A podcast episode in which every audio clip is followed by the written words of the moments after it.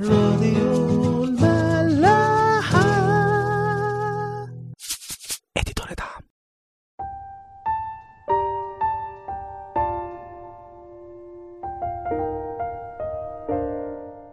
أهلا بيكم في حلقة جديدة من عيش وملح.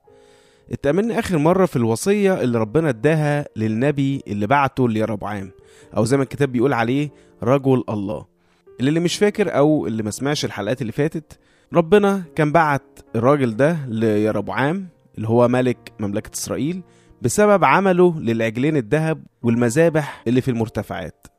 وراح الراجل ده للمذبح اللي كان فيها ربعام ساعتها وابتدى يوجه كلامه للمذبح نفسه ويتنبأ إن هيجي واحد اسمه يشيا يذبح عليه كل الكهنة بتوع المرتفعات. وإدى علامة على كلامه إن المذبح ده هينشق كدليل إن الكلام ده فعلا هيحصل. في الوقت ده يا ربعام بيحاول يوقف رجل الله عن كلامه فبيمد إيده عشان يؤمر بالقبض عليه بس ساعتها إيده بتتشل. وبعدها بينشق المذبح فعلا زي ما الراجل قال فبيستوعب يا ربعام إن ده فعلا ربنا. وبيطلب من رجل الله إنه يصلي له عشان إيده تشفى وفعلا بيحصل كده وبترجع زي ما كانت. بعدها بيطلب يا ربعام من رجل الله إنه يجي ياكل عنده في البيت وياخد آه، يعني زي أجرة. بس هو بيرفض تماما وبنكتشف ساعتها إن ربنا وصاه انه ولا يأكل ولا يشرب في كل مملكة إسرائيل.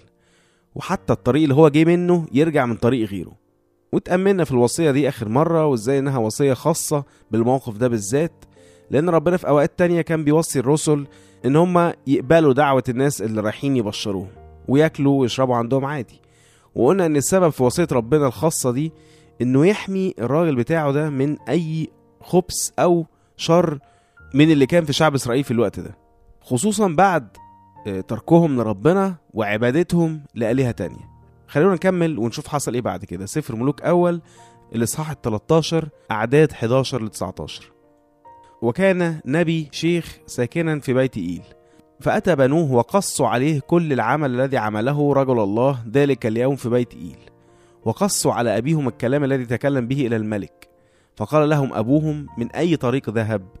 وكان بنوه قد رأوا الطريق الذي سار فيه رجل الله الذي جاء من يهوذا فقال لبنيه شدوا لي علي الحمار. فشدوا له على الحمار فركب عليه وصار وراء رجل الله فوجده جالسا تحت البلوطة فقال له أأنت رجل الله الذي جاء من يهوذا فقال أنا هو. فقال له سر معي إلى البيت وكل خبزا. فقال لا أقدر أن أرجع معك ولا أدخل معك ولا آكل خبزا ولا أشرب معك ماء في هذا الموضع. لأنه قيل لي بكلام الرب لا تأكل خبزا ولا تشرب هناك ماء ولا ترجع سائرا في الطريق الذي ذهبت فيه. فقال له أنا أيضا نبي مثلك وقد كلمني ملاك بكلام الرب قائلا ارجع به معك إلى بيتك فيأكل خبزا ويشرب ماء.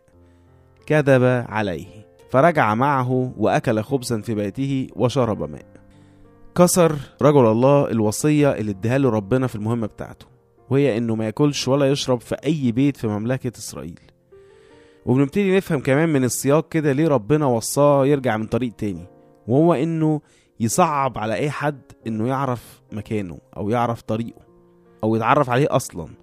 بس برضو النبي الشيخ بيقدر إنه يلاقيه وبيحصل معاه الحوار اللي شفناه ده وبيكذب عليه وبيقول له إنه ربنا قال له كلام تاني فبيوافق رجل الله وبيرجع معاه على بيته. قبل ما نكمل محتاجين نقف هنا ونتأمل شوية. هي إيه المشكلة برضو إن هو راح البيت وأكل؟ إيه يعني؟ ليه يعني مكبرين الموضوع قوي كده؟ لو ركزنا بقى في كلامنا كده هنلاقي إنه ده اللي حصل برضه مع آدم وحواء. أكلوا من شجرة معرفة الخير والشر. ما كانت إيه المشكلة يعني؟ زي ما كنا قلنا ساعتها وهنقول تاني دلوقتي المشكلة مش في كسر الوصية نفسها إنما المشكلة في السبب اللي ورا كسر الوصية. وقت آدم وحواء كانت الأسباب كتيرة ومحزنة. إزاي إن هم شكوا في ربنا وصدقوا كلام الحية إنه مش عايزهم يبقوا زيه. المشكلة ساعتها كانت في انفصالهم عن ربنا بقلوبهم قبل ما بافعالهم الأسباب المرة دي برضو شبيهة جدا. واضح إنه رجل الله كان بينفذ الوصية عن غير اقتناع وبدون أي إيمان. وده اللي كنا اتكلمنا فيه آخر مرة برضو إنه الإيمان في أوقات كتير قوي وإن ما كانش كلها يعني بيبقى ضد قناعاتنا ورؤيتنا الشخصية. وهي دي المشكلة الحقيقية اللي بتواجهنا كلنا في تنفيذنا لوصايا ربنا أو لتصديق وعوده لينا. إننا بندخل رؤيتنا ونظرتنا للأمور في إيماننا وبنفتكر إننا عشان نآمن إيمان كامل لازم نقتنع بالكامل برضه مع إن الاتنين عكس بعض تماما. لأن الواحد بيقتنع بالدليل بيصدق الحاجة اللي بيشوفها. إنما بيآمن باللي هو مش شايفه. شايفين الفرق؟ فالطبيعي إننا نآمن بصلاح ربنا في كل حاجة. ومش هنقول حتى لو إنما هنقول خصوصا لما كل حاجة حوالينا تقول عكس كده. حد هيجي يقول طب ما أنا فعلا إزاي هصدق في صلاح ربنا من غير ما أشوفه بعينيا بس هل تفتكر فعلا إنك عمرك ما شفته؟ فلا إحنا هنسأل بقى سؤال تاني. تخيل لو أنت بتحب حد قوي وياما اديته حاجات حلوة وعملت معاه مواقف جدعنة ويحصل الآتي. يجي في أي يوم حد يتكلم عنك بالسوء عند الشخص اللي بتحبه ده فيصدقه ويبتدي يتصرف معاك بعدوانية. أو يحصل موقف تاني يحصل إنك تتأخر عليه في أي حاجة. والتأخير ده طبعا بالنسبة له ومش بالنسبة لك أو مش بالنسبة للموقف. فيقوم يشتمك. ومش بس كده لأ يروح يلجأ لعدوك. فإيه أول حاجة هتقولها لما تشوف كل ده بيحصل؟ إن الشخص ده مش بيحبني لأن الحب هو الثقة إن اللي قدامك بيحبك حتى لو الدنيا كلها قالت لك عكس كده. بس ده طبعا الحب اللي هو مبني على العشر مش اللي مبني على كل موقف في حد ذاته. حب وقتي.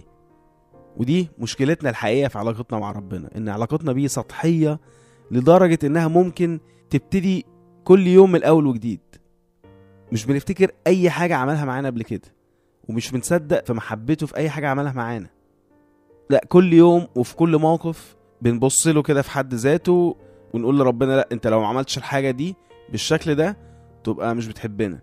وفي نفس الثانية دي ممكن نروح لعدوه واللي هو عدونا طبعا بس نروح نلجأ له ونطلب منه حلول سريعة لمشاكلنا. يعني مش بس حب سطحي لا كمان مبني على مصلحة. فبالذمة في أي حد فينا يحب تكون عنده علاقة بالمنظر ده. ده إحنا ممكن نعمل مشاكل كبيرة جدا ونهد الدنيا ونقطع علاقات مع ناس بتعمل فينا ربع الكلام ده. ونيجي إحنا نفسنا نعمل أكتر منه مع ربنا. معلش لو طولنا في النقطة دي شوية بس ده كله عشان نستوعب إزاي إنه اللي عمله رجل الله في الوقت ده بيدل إنه ببساطة مش مؤمن أصلا بربنا. معتبر إنه اللي بيقوله ده وصايا فارغة أو مجحفة يعني صعبة وتقيلة على الفاضي وصايا الغرض منها إنها تكدره وتجوعه وتعطشه فبالتالي مع أول تشكيك في الوصية دي واحد ما يعرفوش قال له أنا كمان نبي وربنا قال لي عكس كده. فخلاص صدق ومشي وراه. وطبعا ده كان عشان هو من جواه مش مصدق في الوصية دي. وكل شايفه دلوقتي إن هو جعان وعطشان وعايز أي حل حالا. يعني زي ما بنعمل بالظبط.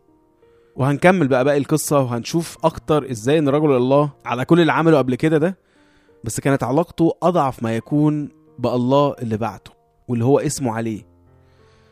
قبل ما نكمل برضه حابين بقى نبص بسرعة على النبي الشيخ ده. واضح كده ومن اللي هنشوفه بعد كده إن هو عمل كل ده لمجرد إنه يقابل رجل الله ده ويقعد معاه بأي طريقة.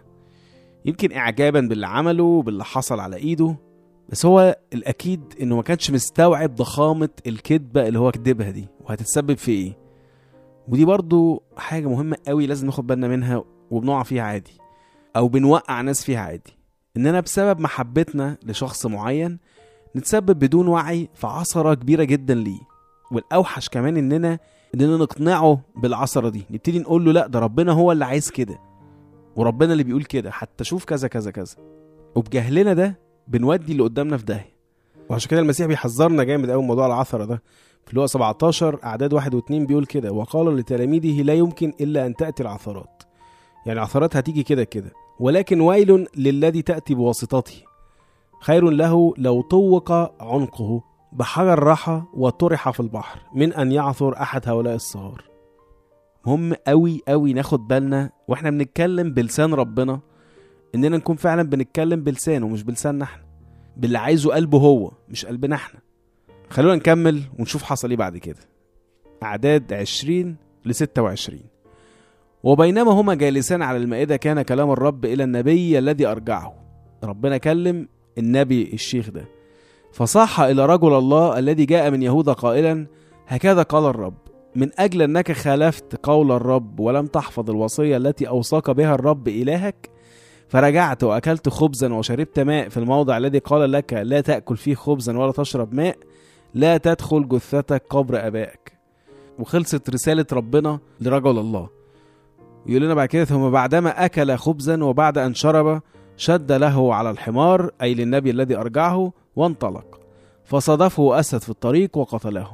وكانت جثته مطروحة في الطريق والحمار واقف بجانبها والأسد واقف بجانب الجثة. وإذا بقوم يعبرون فراوا الجثة مطروحة في الطريق والأسد واقف بجانب الجثة فأتوا وأخبروا في المدينة التي كان النبي الشيخ ساكنا بها. ولما سمع النبي الذي أرجعه عن الطريق قال هو رجل الله الذي خالف قول الرب فدفعه الرب للأسد فافترسه وقتله حسب كلام الرب الذي كلمه به. سبحان الله بيحصل معاه نفس اللي كنا بنحذر منه من حلقتين. إزاي إن الواحد ممكن يتحجر تماما لدرجة إن هو ما يسمعش ربنا خالص. والعكس بقى اللي إحنا قريناه برضو إزاي إن ربنا ممكن يخلي من الحجارة ولاد ليه. أو زي ما كنا فسرناها إنه يخلي من ناس بعيدة جدا عنه ولاد ليه ويكونوا ناس أحسن مننا. النبي الشيخ ده اللي كلمه بالكذب ربنا اتكلم من خلاله. لأنه رجل الله بتاعه خلاص قفل قلبه تماما. عشان إيه؟ عشان كان بيأكل. واضح قوي في القصة إزاي إنه هو كان مشتهي الأكل والشرب. وساب نفسه لشهوته دي لدرجة إنه ما سمعش صوت ربنا خالص. اللي أكيد كان بيحاول يبكته وهو ولا هو هنا. فكلم بقى النبي الشيخ ده عشان يوصل له كلامه. واللي بنلاحظه كمان إنه حتى لما الشيخ ده بيصيح يعني بيصرخ باللي قاله له ربنا بنلاقي إنه عادي بيكمل أكل. وده اللي بيبين أكتر إزاي إنه ما كانش مآمن بالمرة بكلام ربنا لدرجة إنه كمل أكل وأخد حماره ومشي عادي. لأنه لو كان مآمن كان أكيد آه، خاف أو أكيد حتى طلب من ربنا إن هو يسامحه على اللي هو عمله إنما هو ما آمنش تماما بكلام ربنا. نيجي بقى للسؤال الشائك واللي بنقف عنده دايما في كل القصص اللي فيها عقاب أو الناس بتقول عليها كده في الكتاب المقدس. اللي بيسمع عيش وملح عامة من زمان هيكون عرف مبدأ مهم قوي إنه أي حاجة ربنا بيعملها بتبقى عشان حاجة واحدة بس عشان خلاصنا سواء إحنا أو اللي حوالينا. وحتى لو في أي عقاب أرضي بالجسد بيبقى لسببين لتطهيرنا من آثار الخطية عشان نخلص حتى لو وصلت للموت زي في قصتنا هنا أو السبب التاني عشان الناس التانية تشوف اللي حصل ده وتفوق وترجع لربنا وتخلص برضه. حد هيسأل طب أنت عرفت منين الكلام ده؟ تثبته إزاي؟ ما عنديش إثبات. بس أنا اسألك سؤال تاني اتنين ماشيين في الشارع شافوا واحد بيضرب ابنه. واحد قال ده إيه ده؟ ده مش ممكن يكون بني آدم. إزاي بيعذب ابنه بالشكل ده؟ انما اللي معاه قال له لا أنا عارف الشخص ده وازاي انه اب حنين وبيحب ابنه أكتر من اي حاجة في الدنيا فاكيد عنده سبب مخليه يعمل كده.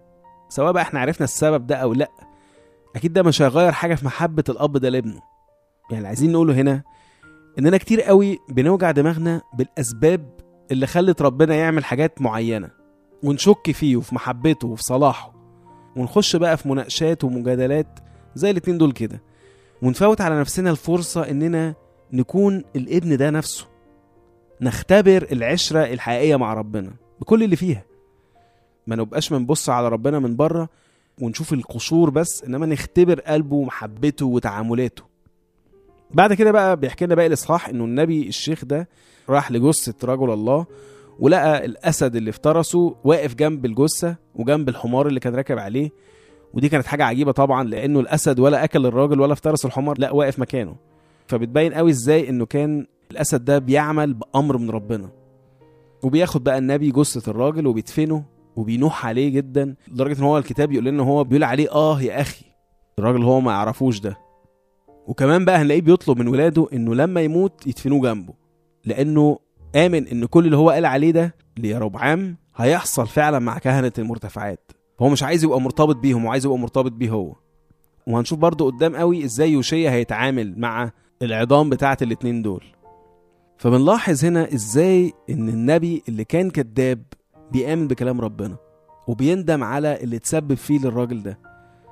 بس رغم كل ده برضه بيقول لنا في آخر الإصحاح إن يروبعام ما رجعش عن اللي كان بيعمله وكمل في اختياره من كل شعب مملكة إسرائيل عشان يكونوا كهنة للأصنام أو كهنة المرتفعات.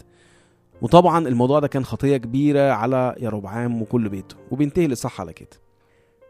السؤال بقى اللي إحنا عايزين نطلع بيه هل إحنا زي رجل الله اللي كان اسمه كده بس عمله غير كده؟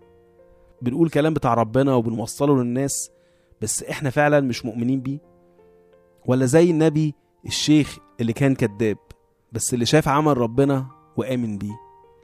في متى سبعة في حتة مهمة قوي بيقولها المسيح أعداد 21 ل 23 بيقول كده. ليس كل من يقول لي يا رب يا رب يدخل ملكوت السماوات بل الذي يفعل إرادة أبي الذي في السماوات كثيرون سيقولون لي في ذلك اليوم يا رب يا رب. أليس باسمك تنبأنا؟ وباسمك أخرجنا شياطين؟ وباسمك صنعنا قوات كثيرة؟ فحينئذ أصرح لهم إني لم أعرفكم قط. اذهبوا عني يا فاعلي الإثم.